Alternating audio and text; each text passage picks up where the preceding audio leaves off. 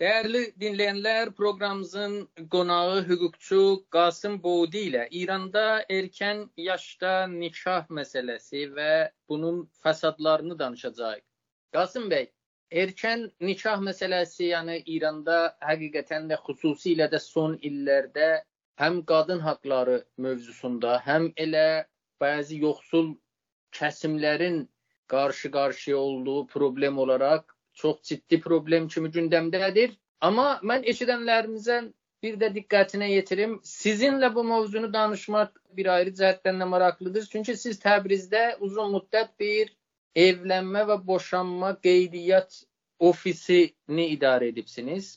Biraz elə onunla bağlı məlumat verərək başlayaq. Bu evlənmə və boşanma qeydiyyat ofislərinin əlindəmi İranda bu işlər və siz nə müddət bu işdə çalışdınız?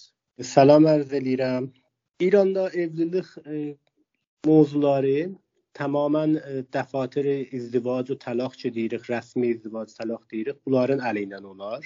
Qanunda əgər bir şəxs dəfatir rəsmi izdivac talaqda izdivac eləməsə, yəni gedə bir malların təriqi ilə eşikdə rəsmi bir yer olmaya, şəxsi bir adamın əli ilə bir iş görsə, bu cürm tərif olubdur bu moridində. Dəfatirdə bəli imtahan alınır. Onlar ki, hüquq hüquqçudurlar və onlar ki, şəhər oxuyublar ya şəhəri bilirlər. Bunlar bu imtahanlarda şirkət elərlər. Şirkət eləyəndən sonra əgər o şəraiti olsa, bunlara icazə verərlər ki, bu dəftərləri açsınlar və bunlarda tamamilə izdivaclar həmzaman həm şər'isi icra olunurlar o dəftərdə və həm rəsmi halətdə səbt olar, qeydiyyata keçər və ərarvatlıq olar və lazım ondan sonra da boşanması da eyni buna taydır. Munta boşanma e, prosesində e, dəftərdən qabaq məhkəmə hökmü də lazımdır gərək. O da ola tabi da dəftər eləyə bilər onun boşanmasını səbt eləyə və səbt eləyə eləyə həmzaman gərək o şəri surətdə o təlağını da gərək cari eləyə ayrı bir şəxsi də görsək, əgər o dəftərləri olmasa, rəsmi o icazələri olmasa, bu bizim qanunda cürm tərif olubdur və o şəxsi eləyə bilərlər e, bizim qanunda evlənəni, yəni kişini və o adam ki indi gəlir bu biz oxuyur, bu əqdə oxuyur ya bir tələq oxuyur, bunu riayət eləməmiş, yəni dəftər icazəsi olmamış, e, buna da cürm təriflənib və dadgah tərəfindən təqib olunur. Yəni elə bir şey varmı? Misal üçün elə biz bu az yaşlı uşaqların evləndirilməsi bəhsində, yəni deyək ki, biri gedib o şəkildə bir yerlərdə bu nikahı qıyarlar, yoxsa buna ehtiyac yoxdur. Elə rəsmi yerə də gəlsə elə o nikahın qıymasında bir problem olmazmı? E, rəsmi yerə gəlməyə bizim e, izdivac üçün, evlilik üçün e, bir qanunda e, yaş varımızdır. Bizim qanunda evlilik üçün qızın 13 yaş və oğlan 15 yaşdır. Yəni bundan aşağı olsa buna rəsmi halətdə e, bu dəftərdə buna e, izdivac evlilik yazılmaz yəni. Rəsmi olmayan nikah da vardı, az da deyil.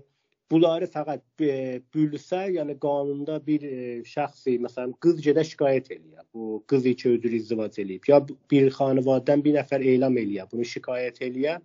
E, sistemi qəzaida bu əqdi yazan oxuyanın e, və bu oğlanın özünün yəni evlənən oğlanın özünə mücazat təyin olar və e, o 13-dən aşağı olsa yaşı çox ağır bir mücazatlar var, vəli onlara rağmen bu cür bir şeylər də çox ittifaq düşür. Çün 13-dən aşağı olanda gərək həttəmən dadgah icazə verə, qızın dədəsinin rızayəti olsa, dadgah da gərək bir dənə hökmü verə və icazə verə, ta ondan sonra dəftər eləyə bilər, əqd oxuya və səbt eləyə. Amma bundan çox adam üçün e, bundan çox adam istəyir o adamlar ki, aşağı sinirdə qızların istirlər ərə verələr, e, izdivac eləyələr bundan qaçmaq üçün bəzən gəlirlər qeyri-rəsmi halətdə də bu işi görürlər və o bölünsə ərz elədimdir ki, təbaatı çox yuxarı təbaatı var idi.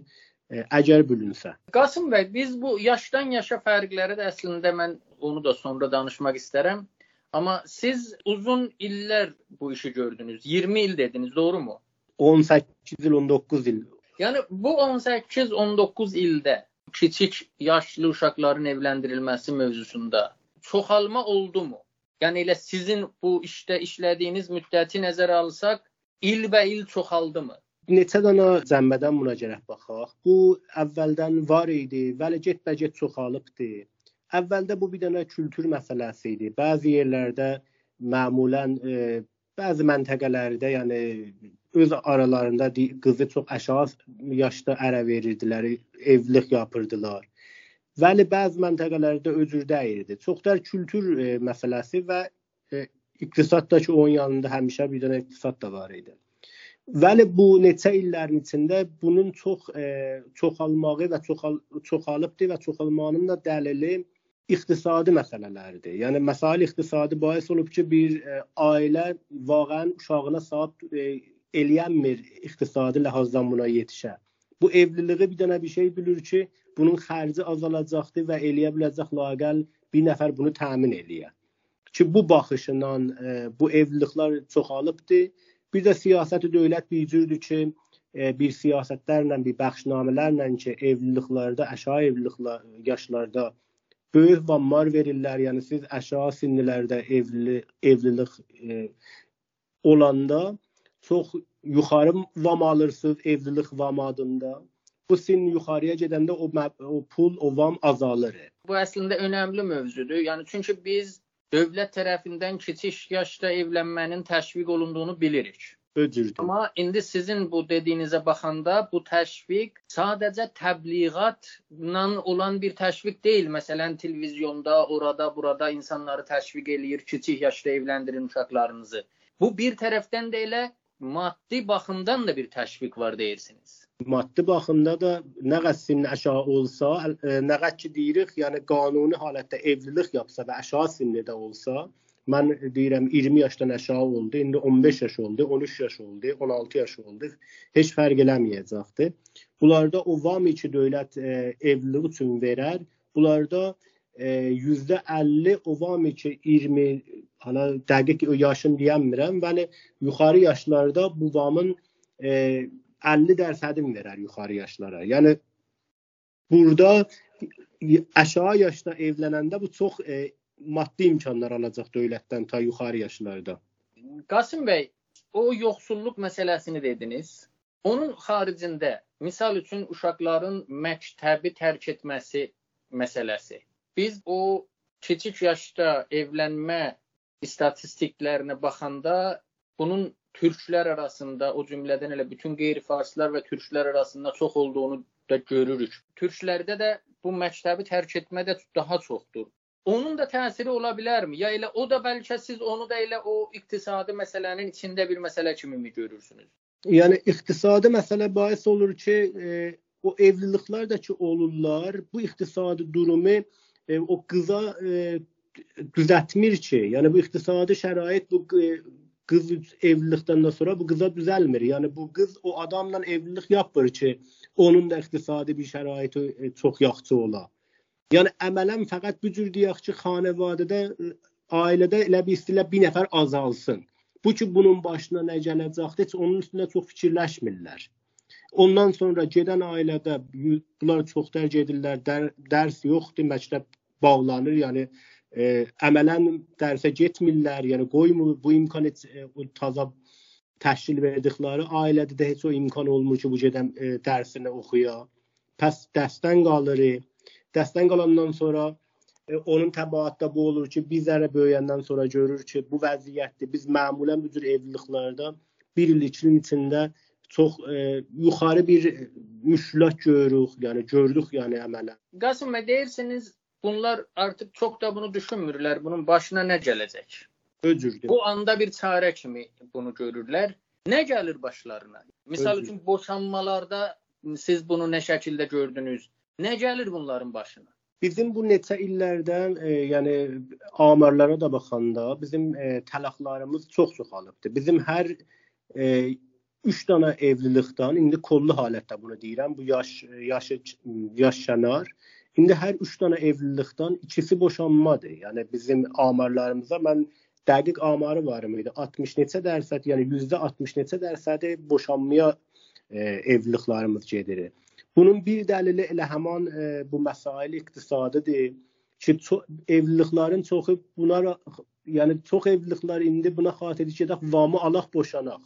Yəni indi bu cür vaqəən bir dənə bu cür bir indi e, ticarət olubdu, yəni bu cür bir məsələdə. Bu Van Mariçi bu məsələdə deyirlər. Boşanma çoxdur. Ondan sonra bu biraz böyüyür. Uşaq biraz böyüyəndən sonra, yəni uşaqdır, yəni bu 18 yaşdan aşağıya deyirlər tamam konvansiyonel hüquq bəşəridə bu uşaq məhsub olur 18 yaşdan aşağı. Bu biraz böyüyür, biraz böyüyəndən sonra bir dənə görür bir ailədir ki, bu ailənin içində bunun heç seçimi yox idi, yəni heç bir haqq intiqabı yox idi ki, eləyə bilər bu e, bu zindəcanlıq sən mənası yoxdur bilərsən, tərif olmayıb bilərsən. Bu uşaqlıq aləmindədir. Bunun idaməsində həm cürmü cinayətimiz bizim bu məsələ ailə məsələsində qabağa gəlir. Çox eşit eşidirsiniz ehtimalən sizdə. Qətllər qabağa gəlir, e, ayrılıb ayrı adamla irtibatlar qabağa gəlir. E, bu üçün özün tapır görür ki, bir adamla yaşayır ki, bu adam heç bu sevməyibdi. E, elə bücürüsü atası götürüb verib bir, bir nəfərə ki, heç bunun o adamdan heç bir ta tanıması yoxdur, yəni şənaxtı yoxdur ki, bu adam kimdir. Əslən bu evlilik xıyanı nə mənə? Heç ondan tərifi buna tərif olmayıbdı. Bu bahis olub bir il sonra, iki il sonra içindən çox böyük bir məsələlər çıxır. Uşaq uşaqlığı əmələn aradan gedir. Yəni bir dənə zindəcanlıq, bir dənə bir insanın zindəcanlığı, ömrü əmələn e, xarab olur, dağılır, qutulur gedir.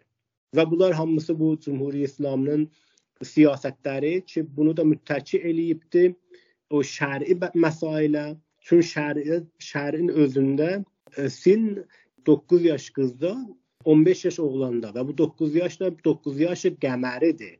Siz dediniz qız atasından əslində, yəni onun o qəyyumu olur, vəlisi olur, onun icazəsi lazımdır. Bu elə bütün yaşlı, məsələn 18-dən yuxarı qəyyumunun icazəsi olmadan da evlənə bilərmi? Qızın evlənməyinə hər neçə yaşda olur olsun, 40 yaşı da olsa vəlisinin, yəni atası olsa atasının icazəsi olmamış evlənilməz. Yəni orada 18 yaşın hər hansı bir hökmü yoxdur. O yaş 13 burada mühüm bir yaşdır.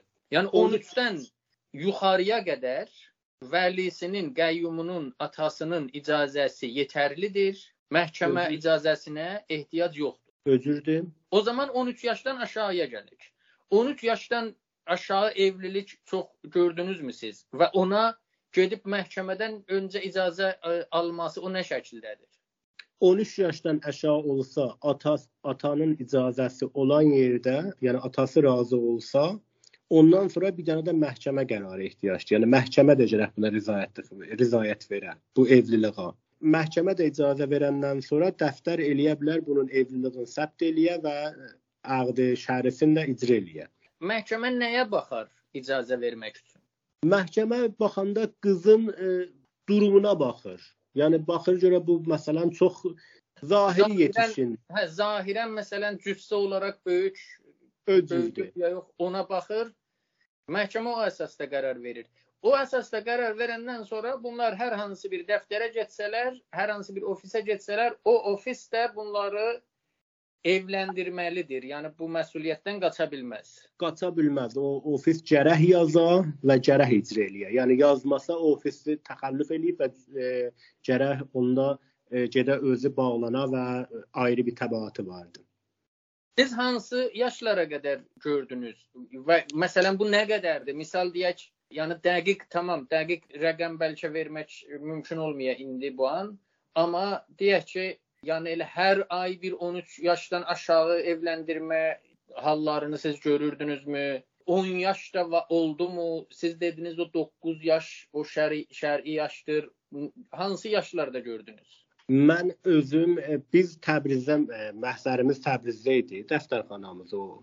Təbrizdə büdür deyək ki, böyük şəhridir. Yəni biraz məsələn Döyrəbərlə də fərq elər. Hala deyirik Təbrizdəkilər e, şayad biraz həssas olarlar bu cür evliliklərə, amma buna rağmen biz elə hər ay yəni bu cür bir yaşda bir evliliyimiz olardı. Yəni 13-dən aşağı bir evliliyimiz olardı. Yəni ən az bir bir bir dənə görürdünüz siz. Mən öz dəftərimdə ya ən az görürdüm və 9 yaşda görmüşəm məhkəmə dadı məhkəmə hökmü ilə mən də yazmışam. Və, və bu başqa yerlərdə daha artıq ola bilər. Daha, daha çox artıq olar. Yəni daha çox artıqdır və artıqdır və daha çox artıqdır. Yəni Təbrizdə əgər mən ayda mən əgər ayda bir dənə yazmışam, yəni bunu siz əmin ola bilərsiniz ki, ayrı bir şəhərlərdə, kiçik şəhərlərdə bu ayda 5 dənə ola bilər.